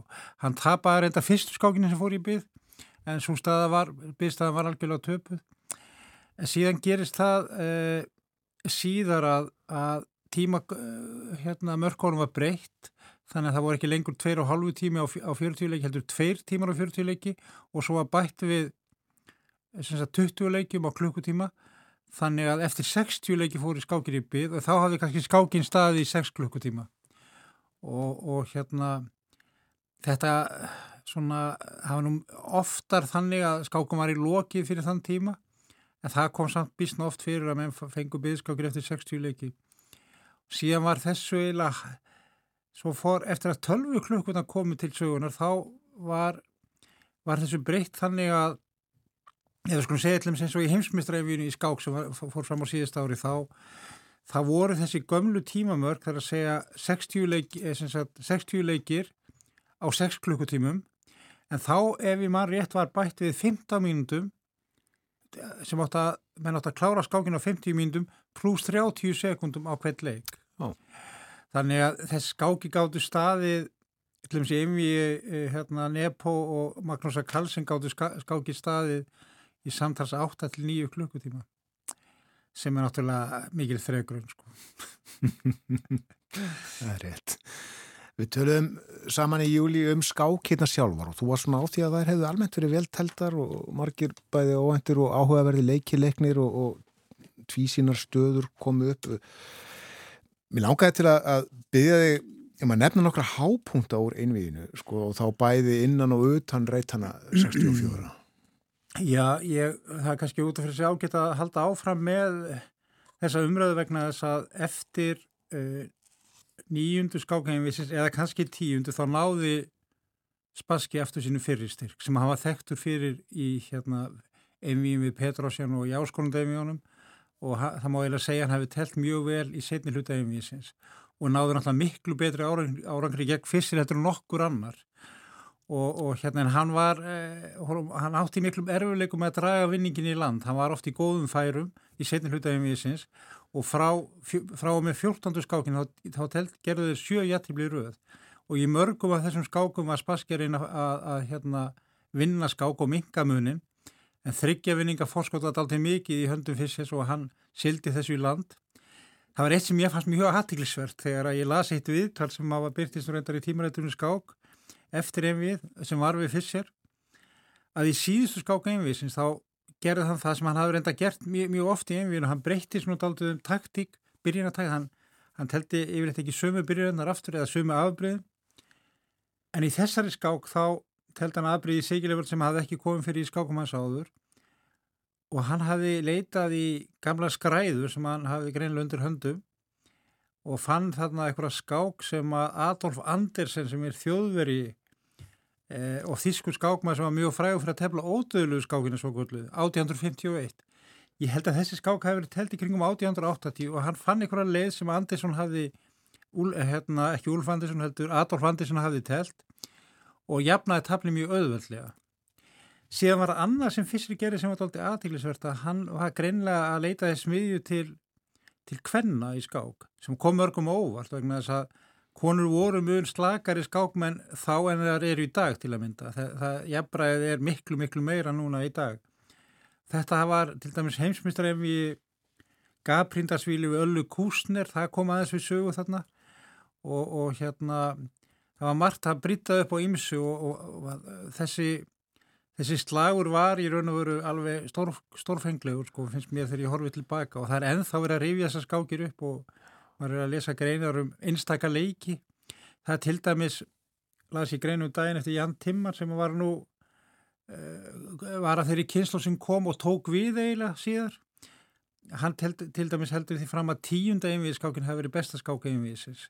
Spaski misti þar af nokkrum leiðum til þess að ná jættefli að sögn Timmars en þetta voru svo mörg augnablík en stóra skákin í þessu MV er sennilega svo 13. að mínu óldi það hefur verið talin eins og ég hef sagt áður einhver magnasta skák skáksögunar það er svo margi þætti sem koma þar inn alltaf mikilvægi viðverknar eitt, eitt partur en stöðuna voru alveg ótrúlega sko, sem komið upp þar sko. þetta er svona síðan má kannski segja ef maður er að tala um svona viðburði utan eh, skákbórsins þá má ég að segja að að að MV hafi markað algjör tímamót í skáksögu heimsins algjörlega. Þetta breytti öllu má ég að segja. En þetta breytti líka því að þessir hægt að tefla sem var náttúrulega, sem var náttúrulega ömulegt að mörguleiti og að hann skildi ekki verja títilin þrejum árum síðar þó að verðluna fyrir væri náttúrulega miklu miklu herra heldur en í Reykjavík. En þá hafnaði hann einhverju málamilum um, um, um keppniskilirði og teldi ekki meira fyrir 20 árum síðar. Þá háða hann annað einvið við Spassky í, í gömlu Júkoslavi þetta var nú svona, svona með annars nýðurstöður einvið sem sko mm. finnst manni mm. Hætti fyrstur eiginlega að tefla bara strax eftir Reykjavík eða teldi hann einhver missir eða ára eftir? Hann teldi ekki neitt í 20 ár og hérna það fannst mönnum ansi súrt í broti með að við hvað var öflugur. Sumir hafa haldið fram að hann hafi í raun og veru verið búin að ná takmarki sinni í Reykjavík. Það er að segja að vinna rússana og brjóta þeirra veldi að baka aftur og það sem gerist í Sovjetríkjum eftir þetta var að þessi kynslu sem að spaski tilriði, hún svona einhvern veginn var víkjandi fyrir yngri mönnum og þá sérstaklega Anatoli Karpov og það er til dæmis, og rússandi tóku þess ekki vel. Spaski hann var á svona svona dálnum frípassa með alls konar yfirlýsingar, hann var í raun og veru rússi á gamla skólanum fyrir byltingu eins og orðaða sjálfur. Og hérna hann leiði sér að segja ímislegt en það var ekki leifilegt eftir þetta umví og hérna það var til dæmis, ég man ekki hvort það var hver skrifað um það en, en til dæmis þegar Karpo og Kostnói teldu 1974 um réttins að skóra á fissir það var jáfnveldtali líklegt að það ef við værum heimsmyndra titilinn. Þá er frásögna því að það hefði komið hann einhvern mjög hátsettur maður í kommunistaflokknum og sagt bitu, af hverju ganga sumur að þessum mönnum lausir sem að hérna, sem að voru hann í Reykjavík? Honum fannst þetta alveg fáralegt að mennum við skemmt ekki verið að refsa fyrir hérna, þetta tap sko. Og þetta var mikið áfætt fyrir soviska skásólun en jáfnframt svona þá tók nýkynsluð við.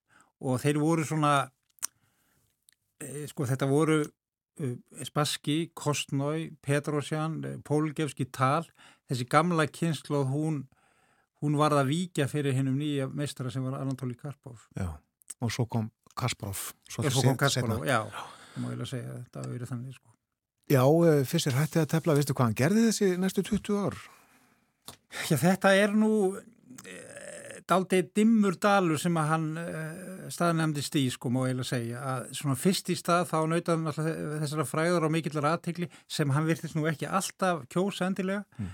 Hún var tekið alveg með kostum og kynjum til, til að mynda ára síðar í, ári síðar í, í, á Fílipsegjum en Fílipsegjingar þeir voru mjög vel tengd til þess að fórseta Fílipsegja sem var Marcos og Campomani sem var þá fórsetið skáksamans eða hestraðandi þar. Hann hann eh, stóð fyrir bóði til Fissers og hann kom þangað og það var alveg ljóst að það var viljið til þess að halda næsta hinsmistræmi og, og Fisser kunni alltaf vel við sig þar og eignast þar marga vini. En uh, síðan kemur náttúrulega upp þessi staða þar að segja 1974 í, í Fraklandi, í Nissa í Fraklandi að, að Fissir sendir uh, fíti skeitum það að hann muni já hann bara afsali sér fíti heimsmyndratillum eins og orðaða fyrst að hérna reglurnar sem hann hafi sett fram uh, skildi ekki vera samþýttur allar. Það var reynda að teki fyrir að auka þengi fíti uh, ári síðar og ef að allar hans uh, svona tillegur um einvís fyrirkomlag hefur verið samþýttar þá hefði hann sennilega telt. En hann var náttúrulega bæði erfiður þá og, og náttúrulega fyrr eins og í einvínu 72 mm. en sovjetmenn og svona ákveðin blokki í kringum Karpov, þeir vildu ekki fara í sama slægin eins og í Reykjavík. Og því var hafnað að til dæmis að þessari reglu um sem sagt uh, það sem var gert ráð fyrir því að þeir myndu tefla upp á tíu sigurum. En þeir höfnuðu þeirri reglu að þegar staðan var í nýju nýju í einvinu þá er einvinu hætt. Verðlunum fyrir nefnir skipt en heimsmyndstræðin held í tillinu. Þannig hafði þetta verið á 19. öld þegar, þegar að, hérna, og fyrst ég var mjög hrifin af því, þannig hafði þetta verið þegar að hérna, Stænis var heimsmyndstari og þetta voru reglur sem voru komnað þaðan, en hann var algjörlega ósvegileg fyrst og afsalaði þessi tillinu og Karpa var krýndur heimsmyndstari án keppni, þannig voru 1975. Eftir þetta þá þá má eiginlega segja að fyrst komst nú upp á kanti við þennan trúasöfnuð sem að hann hafði afhend eh, stóran hlut á verðunaférs eftir einvið og hérna bjófið bara þraungan kost í Pasadena í Bandaríkjánum og hann var handtekinn til að mynda árið 1981 og skrifaði smá bæklingum um það. Það fannst mörgum beru vottum að hann væri bara ansi tæpur á geðsmunum sko, hvernig hann hérna, hvernig hann setti þetta allt saman fram einhvern veginn. En ég man að ég hitti einu svonni spaskið mitt ég held að það hefði verið 1987 þá hafði hann verið á ferðalagi í bandaríkjum og hitt fyrst sér og ég, var eitthvað að spyrja um hvernig hann væri sko, og, og, og Spassky sagði að fyrst ég var alltaf bara sami sami strákur sko. Þannig að ég skal ekki um það segja en síðan ke kemur til þess svona upp úr 1990 að, að það er þarna stúlka síta uh, frá Ungvarilandi sem að sem að hérna skrifar fyrst og vil komast í sambandi við hann og, og reynir að leiða fram aðila sem hafa áhuga á því að halda MV um heimsmystra titilinn reyndar. Og úr því verður þetta endurkoma MV sem er haldið þannig í gamlu Jugosláfi í Belgrad og Sveti Stefani í Svartfjallalandi þarna um haustið og það byrjar henda líka 1. september. Það er semst 30 ár síðan. Æ, þannig að þetta var, var alls konar tákn þannig í gangi sko. Mm. og, og þá kemur auðvitað í ljós að að Fisser hafi haldið sínum styrk bísna vel sko, það voru margar skáki sem var telt í sínum gamla stíl. Það var líka daldið mistækur það var ekki alveg sami styrkleikin en það voru margir sem undruðust en hann hann var ennþá góður sko, hann var nú reyndar ekki nema 49 ára þá sko og þannig séð á besta aldri en auðvitað var búin að tapa daldið miklum tíma og og hann, hann fekk síðan þá flug í höfuði að, að, að hérna það væri nú sennilega best að breyta skákinu þannig að þetta væri það sem kallað og stakku upp á því sem kallað er skák uh, já ég man ekki 990 eða fyrst random eins og það líka kallað og það er aðeins telt í dag sko en hann telti aldrei kapskákir eftir þetta við sko Og við veitum náttúrulega síðarsugun, hann kemur yngar til lands 2005 og, og, og á hérna síðust æfa árin hér sko. Akkurat. En uh, hvað var hann Spassky eftir, eftir Reykjavík?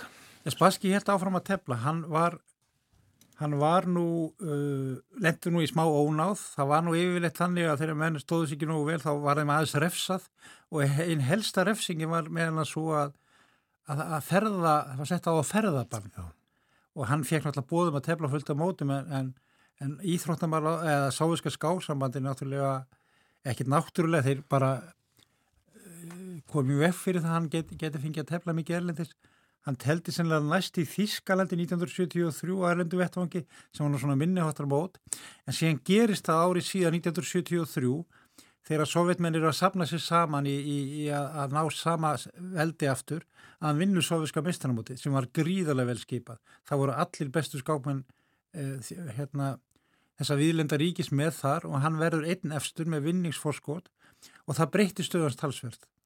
Síðan tekur hann þátt í áskonundakefni sem snýstum það að, að vinna réttin til þess að tefla við fyrstjér en þá tapar hann fyrir Karpov.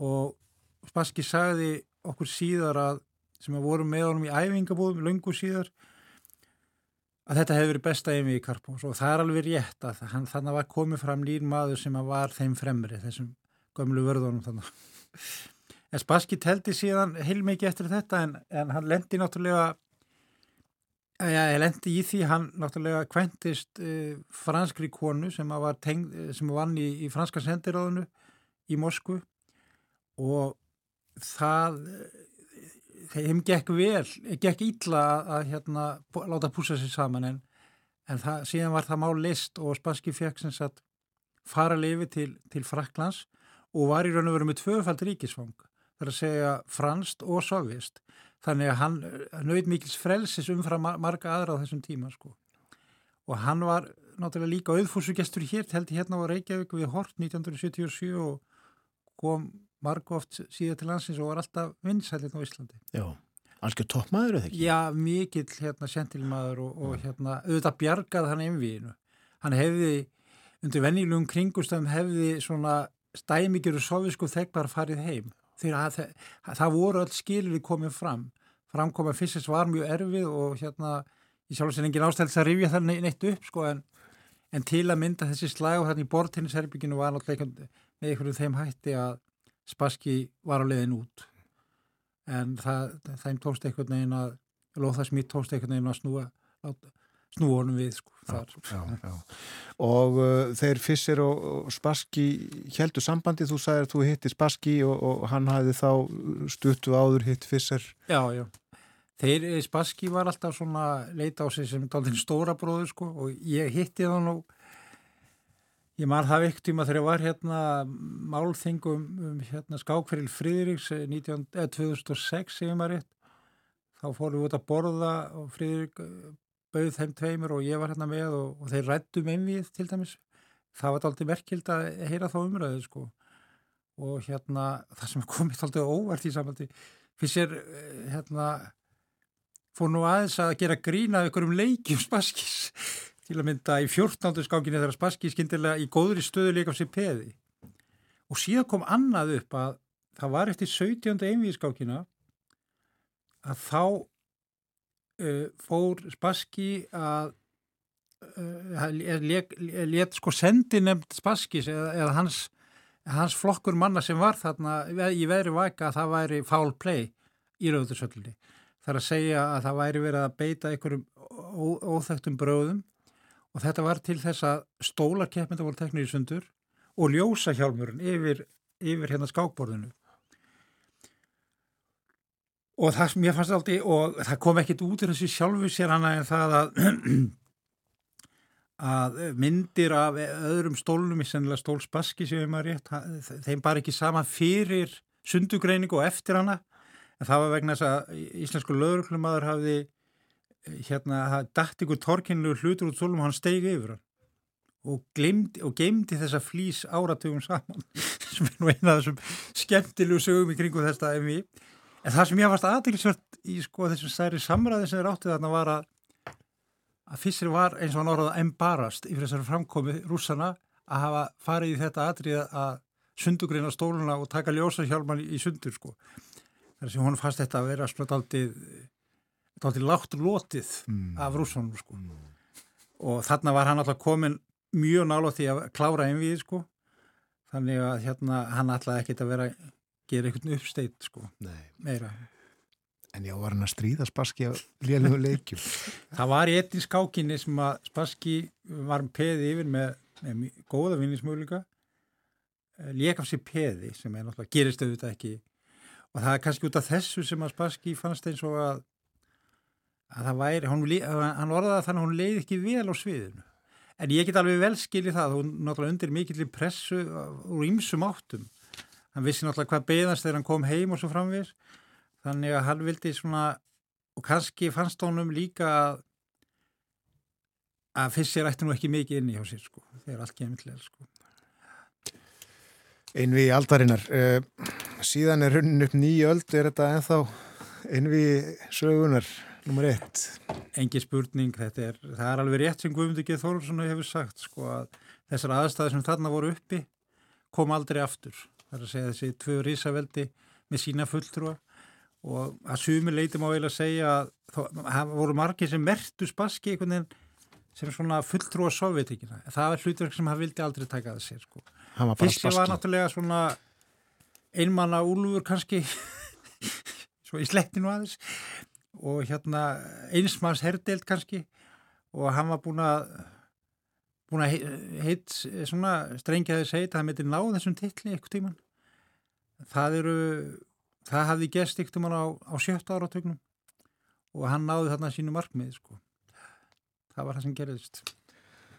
Takk að kellaði fyrir að koma til okkar Helgi fyrir. Stórmestari og revið upp einvið 72 og ímislegt í tegnslum við það og, og kringum við að tala um þá Fisser og Spassky þeir voru 29 ára og 35 ára þegar þeir áttust við í Reykjavík sömarið 1972 og það var sem sagt 1. september það ár sem að uh, Spassky gaf loka skákina sem þá var í byð og Fisser var príndur heimsmestari en uh, fleira gerði þennan dag 1. september 1972 já, landhelgin var færð út í 50 milur og við myndumst þess snemma í morgun revjum það upp, vitnum í ræðu Lúð, Lúðvíks Jósefssonar sem þá var sjálfsráður að þetta skipti miklu máli fyrir land og þjóð. Það voru jafnvel 160 erlendir tógarar að veiðum í íslensku landhelginni þegar mest var. Og Ísl, erlendur floti, erlend skip veitu ámóta mikinn abla á ári og uh, allur íslenski flotin hugsið ykkur. Þessi mál til umfjöldunar þennan morgunin bói Ágúrsson var líka með okkur var við heimskluggan Guðrún Haldunadóttir held áfram umfjöldunum útlendinga lögum fólk á flóta og uh, sé eitthvað fleira hér líka þennan morgunin en Þetta er með lokið, við verðum hér aftur í fyrramálið. Þökkun samfélgina í dag. Verðið sæl.